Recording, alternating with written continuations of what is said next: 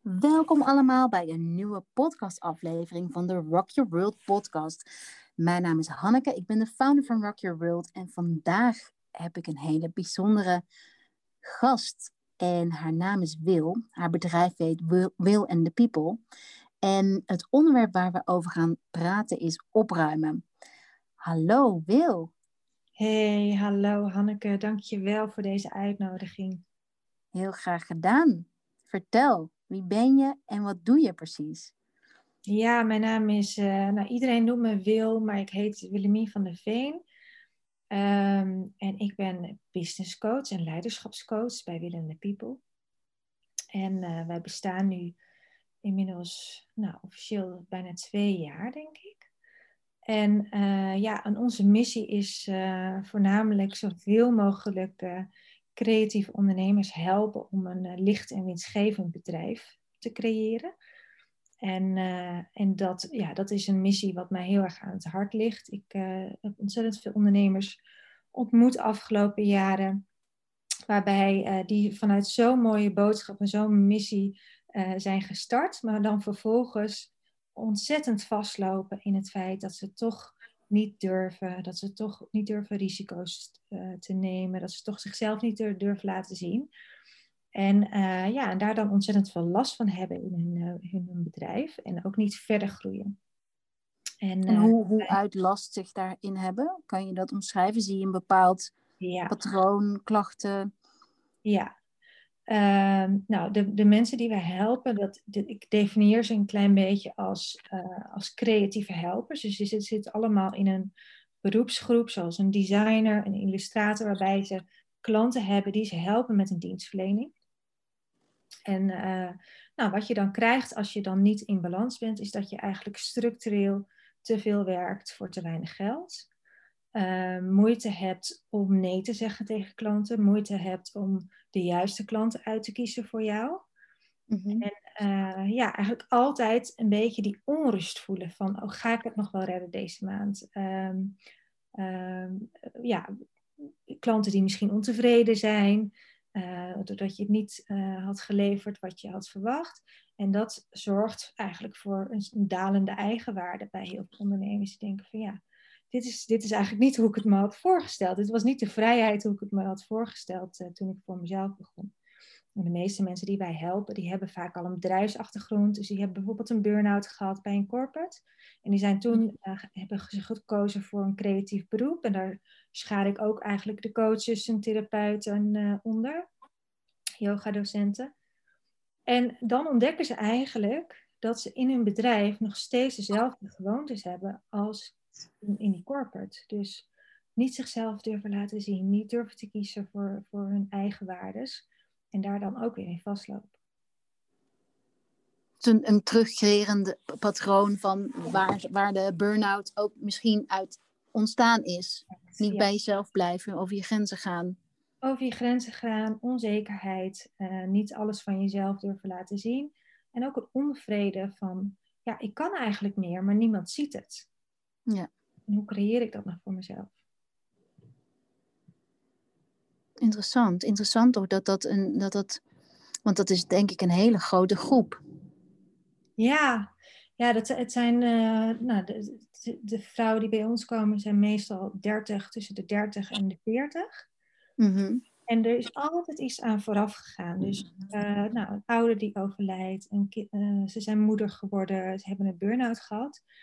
En dan komen ze erachter van ja, dit is, dit is niet hoe het verder kan. En ik wil heel graag iets nieuws. Dus ze beginnen dan vaak met, nou ja, eh, wat je bij de meeste burn-out therapie krijgt, tekenen. Dus teruggaan naar de basis. Maar vervolgens, als dat bedrijf dan gaat lopen en ze komen weer in contact met klanten, dan komen eigenlijk diezelfde saboteurgedachten weer naar boven. Van, ik moet heel hard werken ik uh, ben het nog niet waard om, om, om eh, een bepaald bedrag te, te vragen. Dus de meeste uh, startende ondernemers beginnen echt nou, met 20 euro, 30 euro per uur. Dat begon, zo begon ik ook.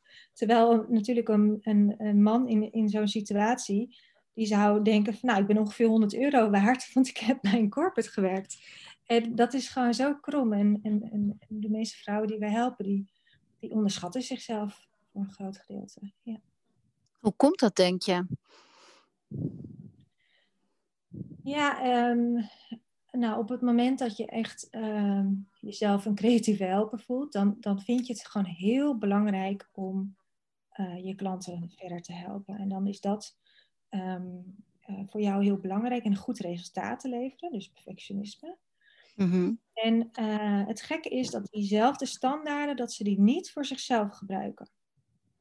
Dus ik zeg wel eens van ja, hoe, hoe, eh, de manier hoe jij nu je klant behandelt, hoe zou, stel dat je het zou omdraaien, stel dat je beste klant ook je eigen bedrijf is, hoe zou je, hoe zou je er dan in staan? Nou, dan zou je ja. een hele andere beslissingen maken. En um, ja, en, en, omdat je creatief bent, is het ook vaak uh, wat meer chaos in je hoofd dan dat je een heel gestructureerd persoon bent. Dus dingen gaan ook onwijs door elkaar lopen. Ja, ja dus misschien ook, ook wat ik ook wel veel zie, is van een gevoel van, nou, misschien als je laag eigenwaarde hebt, een gevoel van leegte, dat misschien proberen te vullen?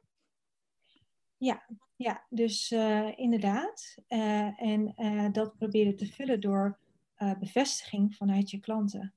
Ja. ja. Ja, door net even wat meer te geven. Terwijl die bevestiging, um, dat is, uh, die je dan krijgt, dat is eigenlijk nooit genoeg. Dus dat is op het moment dat je natuurlijk je grenzen stelt, dan, dan respecteert een klant je natuurlijk veel meer dan dat, dat jij altijd last minute op de deadline nog uh, beschikbaar bent. Ja, zeker. En, en, en het is ook voor, ik ben heel vaak de klant. Um, is het ook zo fijn om een kader vooraf te krijgen. Ja, inderdaad. Je moet een klant natuurlijk gaan opvoeden. Dan moet je uitleggen. Van, ja, precies. Dit is mijn opleiding. En ja. uh, op het moment dat jij mij een opdracht geeft, dan moet dat minimaal een week van tevoren of een maand van tevoren, want ik ben druk. En ja. als je het niet doet, als je die handleiding dus niet meegeeft met de manier van werken, en dat is waar ik het heel vaak fout zie gaan, dan uh, ontstaat er dus een soort van onvrede. En bij heel veel creatieve ondernemers, die kunnen dan ook daadwerkelijk niet meer hun werk doen omdat mm -hmm. de tijd vanuit een bepaald intuïtief gevoel ontstaat. En op het moment dat daar een saboteur omheen zit, en beperking omheen zit, dan kan je daar niet meer bij. En dan kan je dus ook niet je beste werk leveren. Dus het is een nee. beetje een cirkel. En, en dat, dat is eigenlijk een blokkade. Toch? Dan, dan, dan stroomt het. Ja, creatievelingen willen natuurlijk, stroomt het niet meer. Nee. En deze podcast gaat natuurlijk over opruimen. Dus ja. dat is wel meteen een goede ja, ja. ja dus dan moet, je, dan moet je dat opruimen. En dat, is, en dat is waar ik eigenlijk elk programma van mij uh, mee begin en ook elk coaching traject. We gaan eerst eens even opruimen. Dus wat voor onbewuste gedachten heb jij allemaal over ondernemen? En op het moment dat je even gaat zitten en je gaat even voelen in je lijf en je, je pakt een pen erbij, je gaat het opschrijven, dan schrik je helemaal rot wat je eigenlijk elke dag tegen jezelf zegt. Ja. En, en wat voor gedachten jij hebt. En uh, de eerste keer dat ik dat ging doen, toen ontdekte ik dat er ook heel veel gedachten over uh, geld uh, niet eens van mij waren. Dus bijvoorbeeld van mijn ouders, van iemand anders. Maar dat had ik wel allemaal opgeslagen. Ja, herkenbaar. Ja. Denk je dat, dat ben ik dus heel benieuwd naar, even een zijweggetje misschien, maar denk je dat uh, ondernemers, ja, die gaan natuurlijk die uitdaging onbewust aan.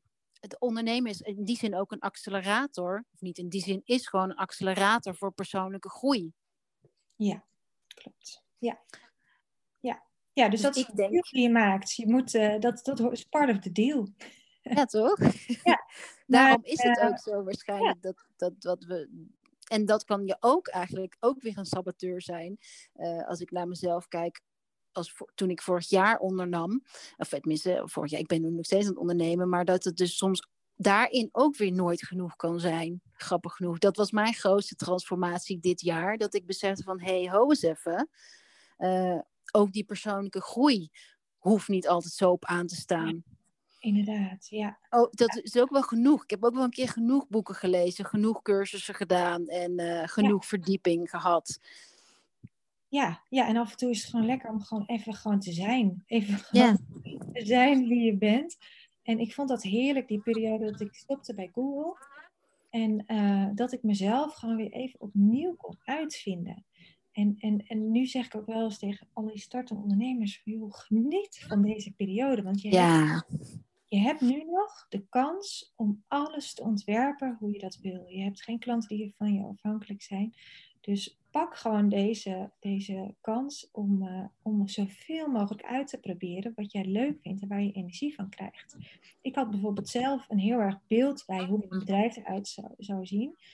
Uh, en dat had voornamelijk te maken met het trainen van groepen, fysieke locaties. En dat had ik twee keer gedaan en dacht, nee, dit wil ik echt totaal niet. Ja. Uh, en ik was zo blij dat ik toen nog niks online had gezet en ook nog geen website had gehad. Uh, en dat ik ook nog niet daar met veel bombardie over had gecommuniceerd. Want ik was echt nog in die exploratieve fase van, ja, wat voelt nou eigenlijk goed en wie ben ik nou eigenlijk? En op het moment dat je uit een corporate wereld komt, dan, dan um, heb je een bepaalde taal met z'n allen. Ja. Als ik nu nog mezelf terughoor van die tijd, ik praat alleen maar met een soort van Engelse marketingjargon er doorheen. En als je daar van een buitenstander naar luistert, dan denk je, nou, die is niet helemaal goed. grappig genoeg moest ik daar heel erg aan wennen, want ik had voordat ik Rock Your World had, had ik een uh, lunchroom. En uh, toen kreeg ik meetings binnen Rock Your World. En ik werden er ook met termen gegooid waarvan ik dacht van, uh, KPI's, uh, return on investment. Waar hebben ze het allemaal over? Please. En dan ging ik het even googlen of Inge. Dus bij mij was het weer andersom, grappig genoeg. Ja, en dat, en dat ontdekte Want ik ben dus, dus alleen maar met ondernemers gaan werken die, uh, nou, die, die in het begin waren dat alleen maar mensen die dus ook geen achtergrond hadden. En dan moest ik gewoon echt weer terug naar de basis.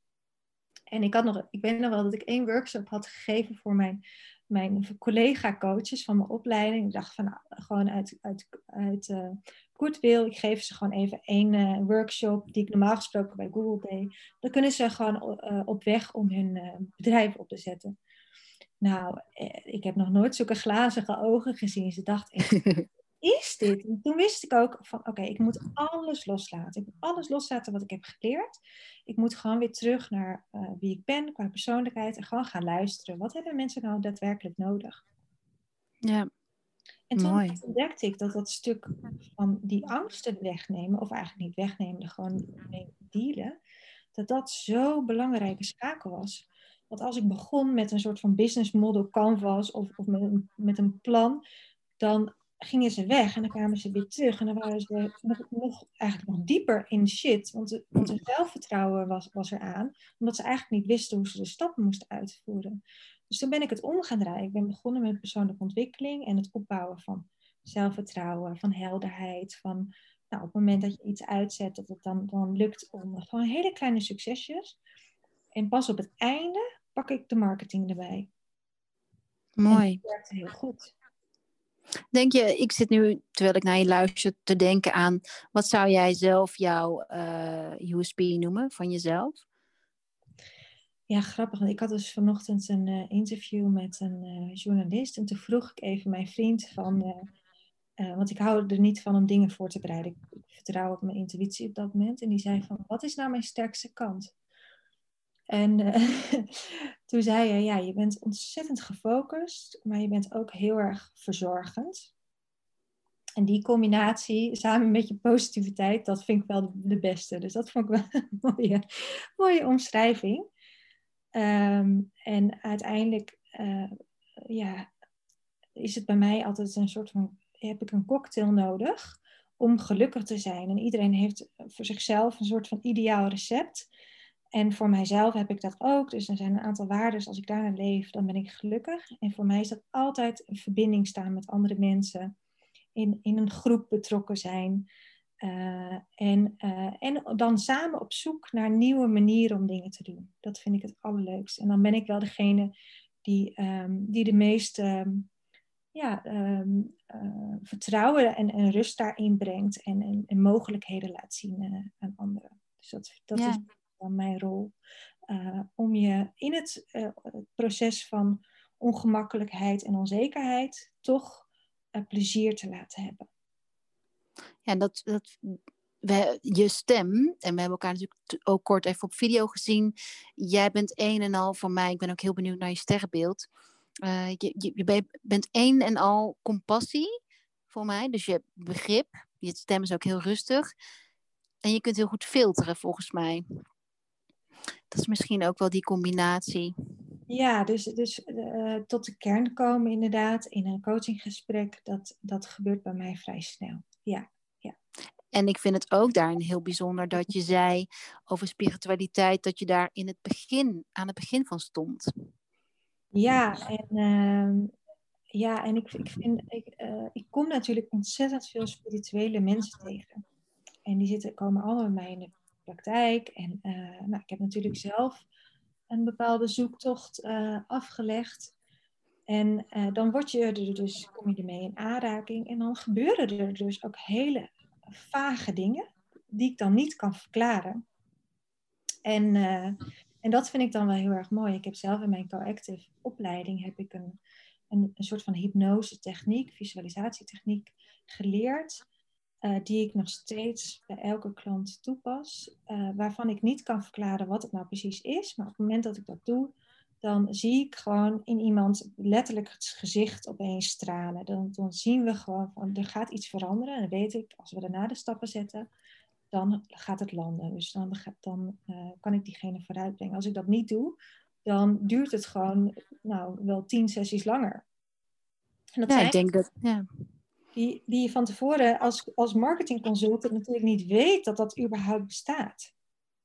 Ik vind het heel mooi dat je zegt. En ik vind het ook mooi als ik, als ik luister naar wat je zegt, is dat je veel spiritueler bent dan je, dan je denkt. En, en misschien ook wat betekent spiritualiteit. Dat is ook nog iets anders. Want jou, de woorden die jij gebruikte toen ik jou vroeg naar je USP's zijn intuïtie, ja. verbinding, uh, focus. Nou, voor, mij, voor mij is dat heel erg, uh, is voor mij spiritualiteit betekent verbinding.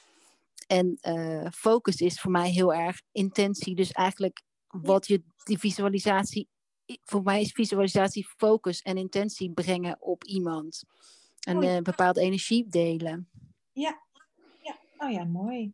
Ja, uh, ik, ik, weet inmiddels dat, ik, dat, dat ik intuïtief sterk ben. En, uh, en ik vind het ook wel leuk om, om daar wat meer over, over te leren. En, en uh, ik, ik weet ook ooit, ik heb ooit een keer een handlezer eh, gehad toen, bij de opening van een nieuw kantoor bij Google.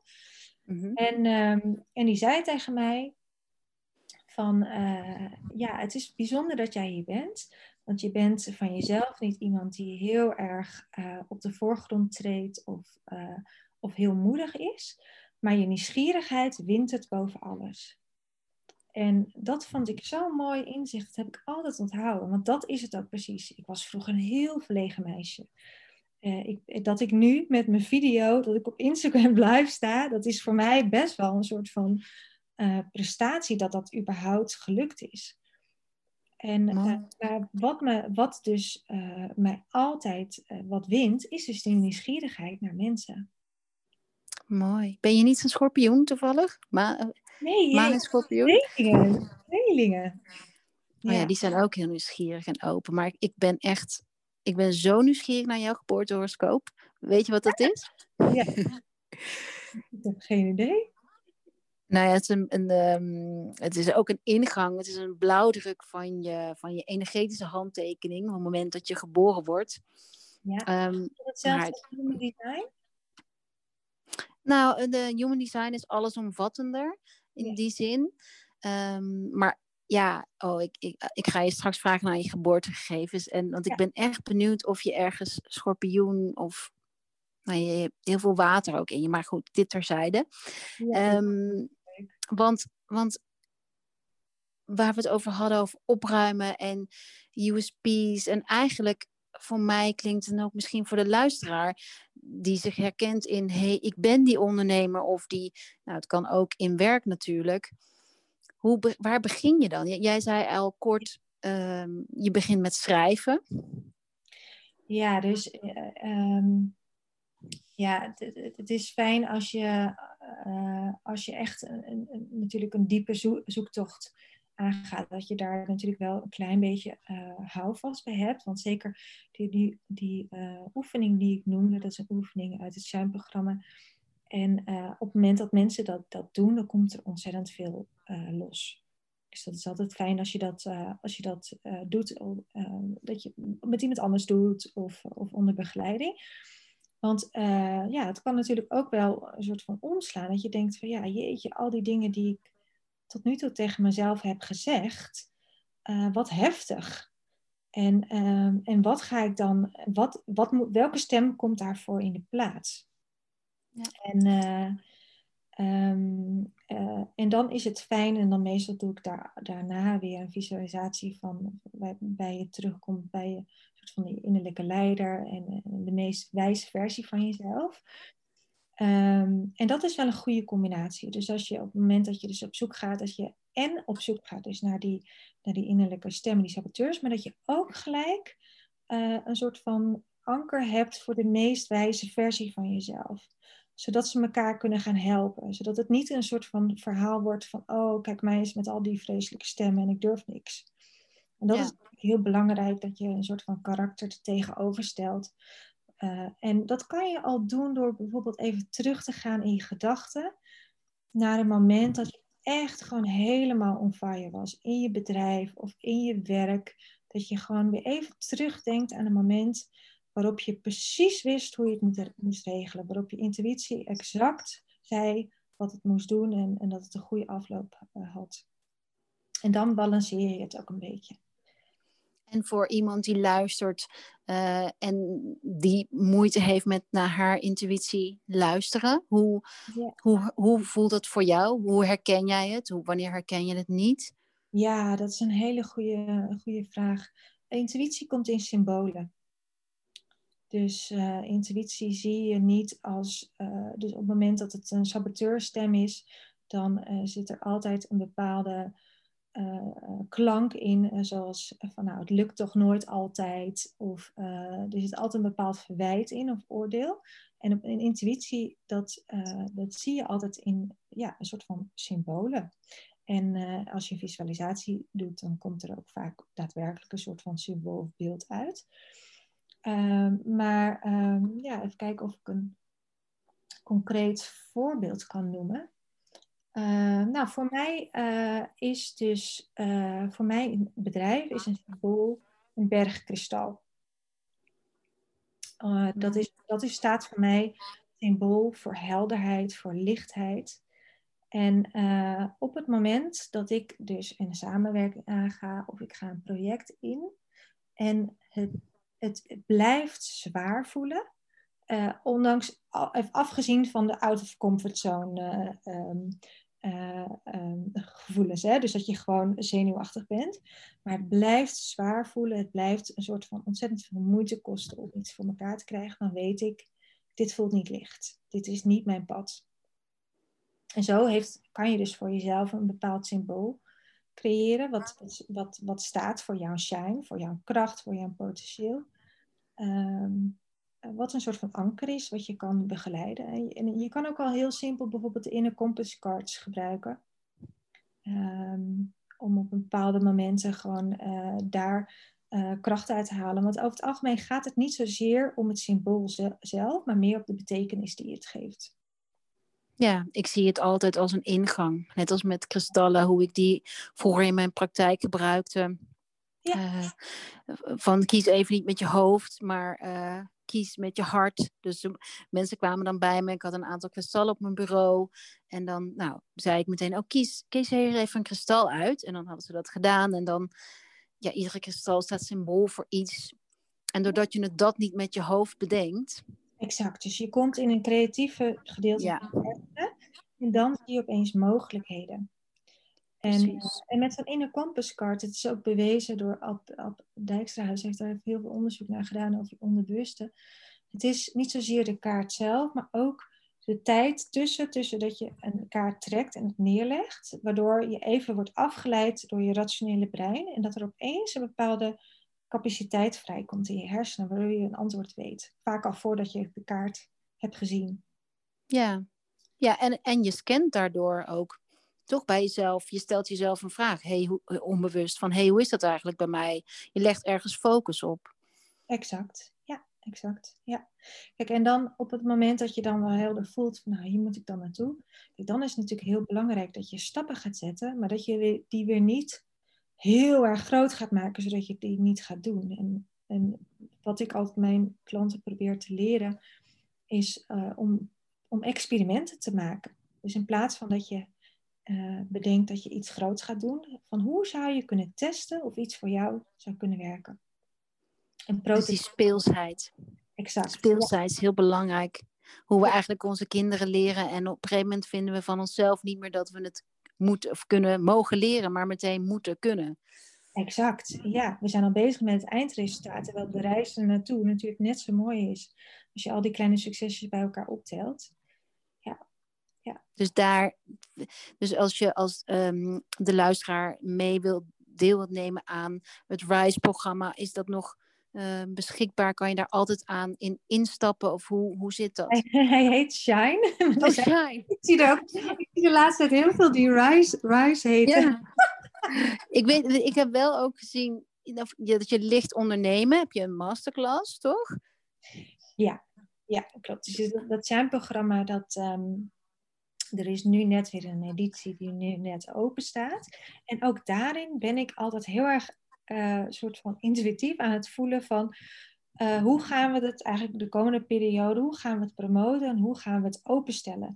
Dus ik heb niet voor mezelf een soort van standaard van, oh, nou, ik ga vier keer per week, uh, vier keer per jaar live en er moeten zoveel mensen in. En nee, ik heb voor mezelf gewoon een doel en dat is duizend creatieve ondernemers helpen om een, om een goede basis van hun bedrijf te ontwerpen, zowel van hun persoonlijke ontwikkeling als van hun bedrijfsstructuur. En en, ja, dat moet gewoon gebeuren in de komende jaren. En ik kijk gewoon elke keer van, van hoe kunnen we daar meer mensen van helpen. En hoe kan ik ervoor zorgen dat ik niet meer dan drie dagen per week, maximaal soms vier, ga werken. Dus dat is, dat is eigenlijk het spel wat ik probeer uit te spelen. dus die balans probeer ik te houden. Ja, want je hebt een, heb je een meisje of een jongetje? Een jongetje, ja. ja en hoe oud is die? Bijna vier. Hij is bijna vier, gaat bijna naar school. Ja, dus dan, dan denk ik van nou, dan heb ik wel weer uh, wat meer ruimte. Maar voor mij was het heel belangrijk om, uh, om twee dagen thuis te zijn met hem. En daar heb ik mijn bedrijf op gebouwd. En dat kan dus. Dus je kan dus een echt een goede omzet draaien. Uh, als je de juiste keuzes maakt en, en bepaalde dingen ook loslaat. Ja, want loslaten, dat, dat, dat woord uh, vertelde je me al eerder. Vind jij loslaten hetzelfde als opruimen? Ja, ja dus het loslaten is, uh, nou, het loslaten kan zijn, uh, het op, en het opruimen kan zijn, is inderdaad een bepaalde gedachte of overtuiging rondom iets, maar ook daadwerkelijk een, een masker die je misschien op hebt. Of, uh, of een bedrijfsstroom, een omzetstroom waar je niet meer gelukkig van wordt. Of een persoon die je moet loslaten, waar je geen energie meer uithaalt. Een klant die, die, uh, die al je energie vreet. Ja. En, en is dat voor jou dan ook hetzelfde als accepteren? Of is dat een stap binnen opruimen en loslaten? Ja, dat is een stap. Dus je moet eerst accepteren dat iets niet meer voor je werkt. En, uh, en dan kan je het uh, loslaten. Dus dan kan je eigenlijk de gedachtenstroom daaromheen loslaten. Ja. Ja, en werkt het dan voor jou zo dat we zijn, dat herken ik van mezelf misschien uh, van een aantal jaar terug, dat ik eerst heel hard in ontkenning ben. Dus eigenlijk ook misschien heel hard mijn intuïtie naar achter duw en daarin mezelf ontken, mijn eigen behoeftes ontken. In juist de tegenstand, de weerstand tegen accepteren. Ja. Herken jij dat, uh, dat er, weet je, eigenlijk, dat zeggen ze natuurlijk ook ik moet nu aan de anonieme alcoholisten denken, waarvan. Dus de eerste stap is te erkennen dat je een drankprobleem hebt. Ik weet niet waarom ik bij dit voor kunt komen, maar eigenlijk geldt het op veel meer lagen, toch? Ja, het is een beetje als je in, in drijfstand zit. Als je in drijfstand, ik weet niet of je dat ooit is overkomen. Maar eh, de manier om daaruit te komen is niet door heel hard te gaan rennen of heel hard te gaan bewegen. Want dan zak je er alleen maar verder in. De enige manier om uit drijfstand te raken is door te gaan liggen. Eh, en dan gaat de zwaartekracht, dan kom je er zeg maar weer uit. En dat is denk ik een metafoor die bij uh, van toepassing is. Dus op het moment dat je harder vecht tegen iets wat niet meer voor je werkt, dan ehm, ja, kom je er eigenlijk steeds dieper in. Op het moment dat je accepteert, dan ontstaat er weer ruimte om, om mogelijkheden te zien. En denk van oké, ik geef het maar op. Maar vanuit die, uh, vanuit die rust kan je in ieder geval weer nadenken van ja, wat is nou eigenlijk de manier om verder te gaan. Ja, en het hoeft ook niet altijd een. Um... Nou, we hadden in ons, in ons voorgesprek over, over uh, positieve mindset. En daar um, wordt, wordt natuurlijk ook heel veel over geschreven. Maar waar ik de laatste weken over na zit te denken. Je hoeft niet altijd een positieve, of positiviteit, laat ik zo zeggen, betekent niet dat je altijd positief bent. Nee. Toch, daar hebben we, hoe, hoe kijk jij daar tegenaan? Ja, um, nou, ik heb onlangs ehm, een training gehad, uh, acceptance en commitment therapy. En daar is inderdaad een pijler van dat, dat inderdaad positief denken, dat het eigenlijk niet zo werkt. Want je kan gewoon goed presteren, terwijl je je gewoon eigenlijk niet goed voelt. En uh, de meeste mensen, en dat zie ik ook heel veel ondernemers, die vinden dat ze zich goed moeten voelen, moeten zich positief voelen voordat ze actie kunnen ondernemen of voordat ze iets kunnen doen. Maar dat is dus niet waar. Dus je hoeft je niet altijd positief te voelen. Uh, voor mij gaat het eigenlijk om voldoening. Dus, ehm, dus dat, je, dat, vind, dat vind ik zelf een prettig woord. Dus dat je voldaan bent, en zowel in de positieve als de negatieve momenten van je leven. Dat je voelt van ja, ik ben er wel 100% bij. Ik ja. alles. Uh, en ik hoef dat niet per se om te buigen. Je hebt dan van die mensen die inderdaad, ehm, nou ja, die, die zo positief zijn als het dan bakken met regen, terwijl ze een buitenverjaardag hebben. Die zeggen, nou ja, dan hoef ik in ieder geval uh, hoef ik niet al die mensen te ontvangen. Die dan eigenlijk continu nu um, negatieve situaties positief gaan draaien, omdat ze hun teleurstelling niet willen laten zien. Ja. Onderdruk je natuurlijk ook weer emoties. Dus, dus ja. ja. En bij ondernemen zijn er gewoon heel veel taken die gewoon niet leuk zijn. Ja, en in het leven ook. ik ook. Ja. Dat is wel mooi. Het is wel, het is wel grappig, want de, de, onze allernieuwste product, de Selfcare Journal, die is helemaal om dit principe uh, gestoeld van um, ja, eigenlijk je eigen blauwdruk vinden. Ja. En daar content mee zijn, voldoening in vinden. Dat is voor mij zoveel meer belangrijker. Um, we hebben ook woorden als, ik gebruik ook woorden als selfcare goals, maar dat is meer het kader. En ja. uh, het, het, is ook niet zo. Um, we hebben ook een kader dat je elke dag kunt schrijven, maar het is niet zo dat je elke dag moet schrijven. Dat is ook zo grappig, maar dat is denk ik op een groter vlak, is eigenlijk dat wat jij net vertelt, is dat we ook als we dus niet positief denken, een negatief, een saboteur in ons hebben. Oh shit, ik denk niet positief. Nu ben ik echt, uh, nu, nu zak ik tien punten in eigenwaarde of iets. En, ja, er is iets mis met mij. Ik... Er is iets mis met mij. En dat hoop ik zo, dat is mijn wens voor voor, voor, voor zoveel, voor, voor elke vrouw eigenlijk, dat die acceptatie van dat zien, dat zijn met ook, nou ja, precies wat je ook zegt, met de, nou, een, een cadans ook zien, een tendens zien of een, ja. patroon zien en zelf dus voldoening. Ja, ja, mooi dat je dat zegt. Ja, ja, dus ik laatst uh, postte een klant van mij een heel mooi bericht over. Uh, en zij helpt vrouwen uh, met hypnobirthing um, cursussen. Ze post een heel mooi bericht over dat deze zwangerschap eigenlijk totaal niet uh, was zoals haar eerste. En dat ze zich daar heel rot over voelt. Maar ze had totaal geen positieve gevoelens. En, uh, nou, en alleen al dat accepteren en dat uitspreken, dat deed al zo ontzettend veel voor haar. Van ja, het is, het is deze keer is het dus geen roze wolk en dat wordt het waarschijnlijk ook niet. En, uh, maar op het moment dat je het uitspreekt, dan kunnen in ieder geval mensen uh, kunnen hulp bieden. En, uh, en, en, rekening met je houden. En dan gaat er ook gewoon een heel stuk lading ervan af. En ja, je hoeft het dus niet altijd leuk te, leuk te vinden. En wat is er dan mogelijk als het, als het oké is? Ja, dan laat je die zwaarte los. Dat ontzettende schuldgevoel.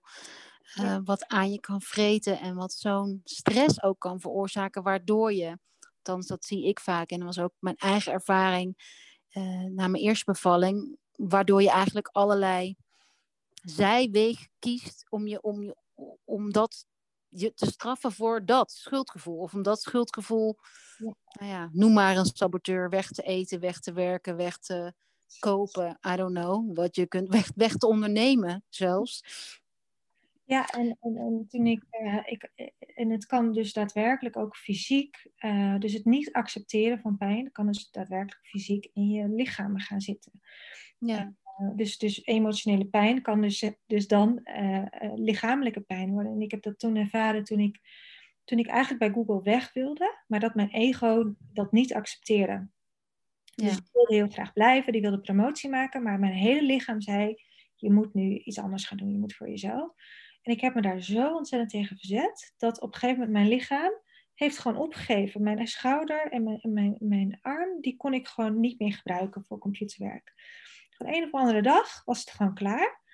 En toen weet ik nog, na een half jaar onderzoeken, dat ik in het ziekenhuis kwam. En dan was er een onwijs platte dokter, zo'n Hagenees.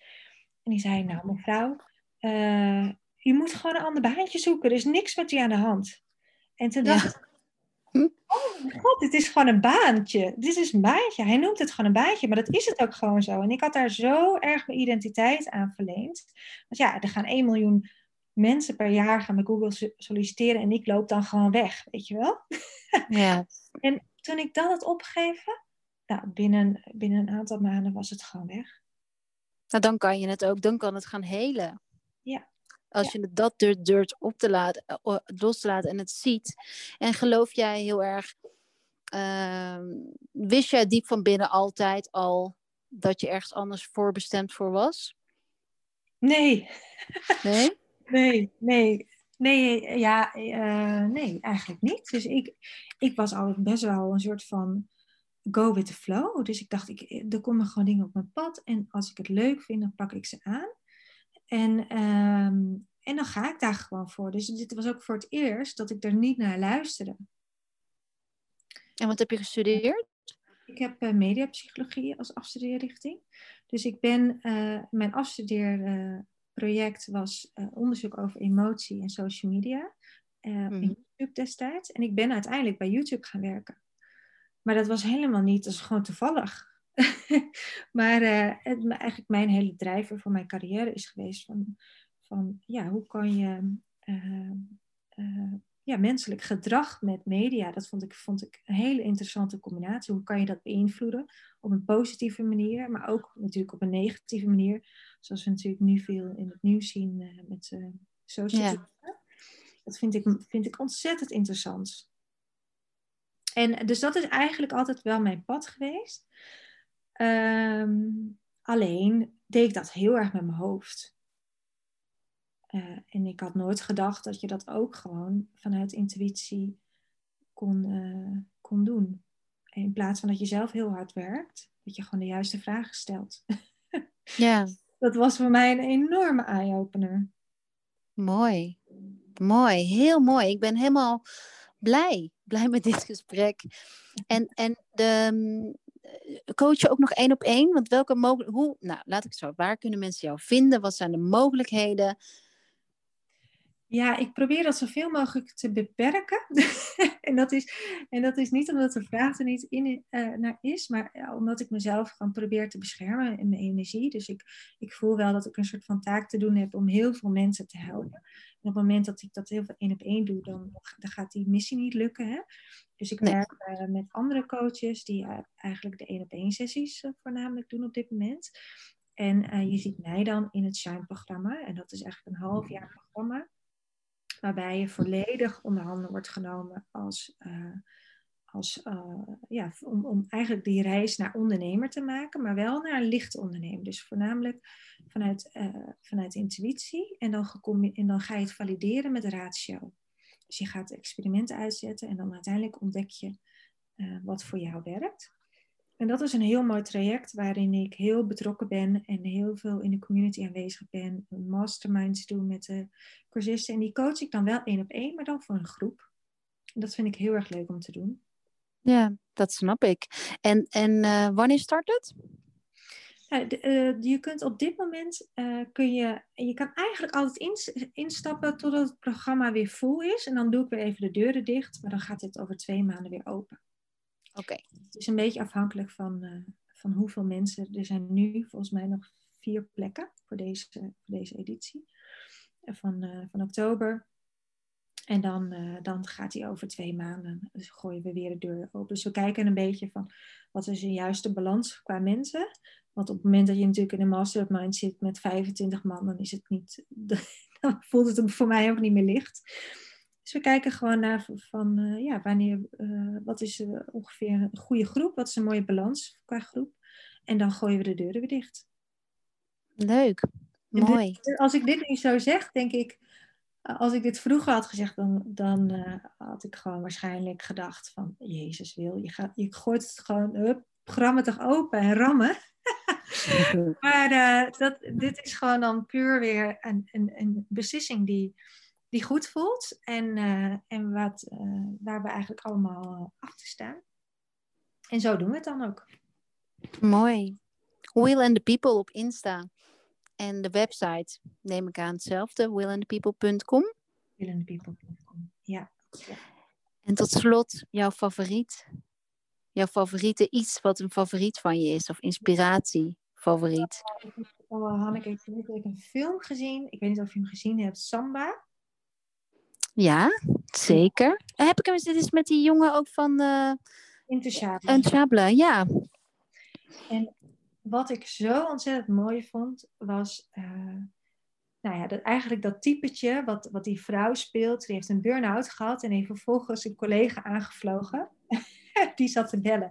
En um, dit soort types ben ik dus heel vaak tegengekomen in het verleden, in het bedrijfsleven. En ik kan me dat zo erg voorstellen dat iemand dan um, vervolgens uh, nou ja, in een burn-out terechtkomt en dan weer probeert zichzelf te vinden. En uiteindelijk gaat, ze volgens mij voornamelijk paarden knuffelen. Maar ik vind het een heel mooi clichébeeld van hoe eigenlijk natuurlijk heel veel westerse vrouwen worstelen met, um, uh, met burn-out. En hoe je dus vanuit een hele rationele wereld dan weer in de wereld komt wat meer terug bij jezelf is. En dan dat contrast bij de jongen die uh, gewoon vecht voor zijn leven, voor zijn, voor, zijn, voor zijn onderkomen. En die nog nooit gehoord heeft van een burn-out dat bestaat niet in Senegal. Nee. Ik vind dat contrast zo mooi. En als je dat, uh, die film ziet, dan word je weer even teruggeworpen van ja, wat is nou echt belangrijk? En uiteindelijk is dat gewoon liefde en compassie. Ja. En, uh, ja, dat vond ik een hele leuke. Mooi. Ik ga hem ook weer. Nee, ik heb hem nog nooit gezien, maar ik ken de voorkant. Ja. En ik ga hem opnieuw kijken. En ik vind het eigenlijk zo'n mooie afsluiter, want dat is ook één wat ik bij mezelf herken. Dat je, dat je nadat je uh, denkt het licht te hebben gevonden. dus van inderdaad ratio weer eh, van de, van de ene kant naar de andere kant geslingerd wordt. En dat dat misschien ook wel heel erg logisch is. En dat je op een gegeven moment ergens een midden vindt. En voor mij, ja, ik, ik ben heel blij. Ik heb, ik, heb, ik heb dat midden dit jaar, mede dankzij corona, uh, gevonden. En, Maar voor de luisteraar is het dus echt wel heel normaal om, denk ik, uh, van de een naar de andere geslingerd te worden. En de grap is daarbij horen misschien ook de clichés dat dan de mensen om je heen uh, ja, je, je van links naar rechts misschien tijdelijk zien gaan. Ja, die denken echt, wat is hij aan het doen? Wat is hij aan het doen? Dat met niet helemaal. Ja, want eerst was je zo en toen was je zo. Ja. En de grap is ook, ik, dat, dat paardenknuffelen ook. Ik weet nog ook dat iemand dat tegen mij vertelde. Ik heb het zelfs ook een keer gedaan. Wat, ik vond het echt het vreselijkste van het vreselijkste.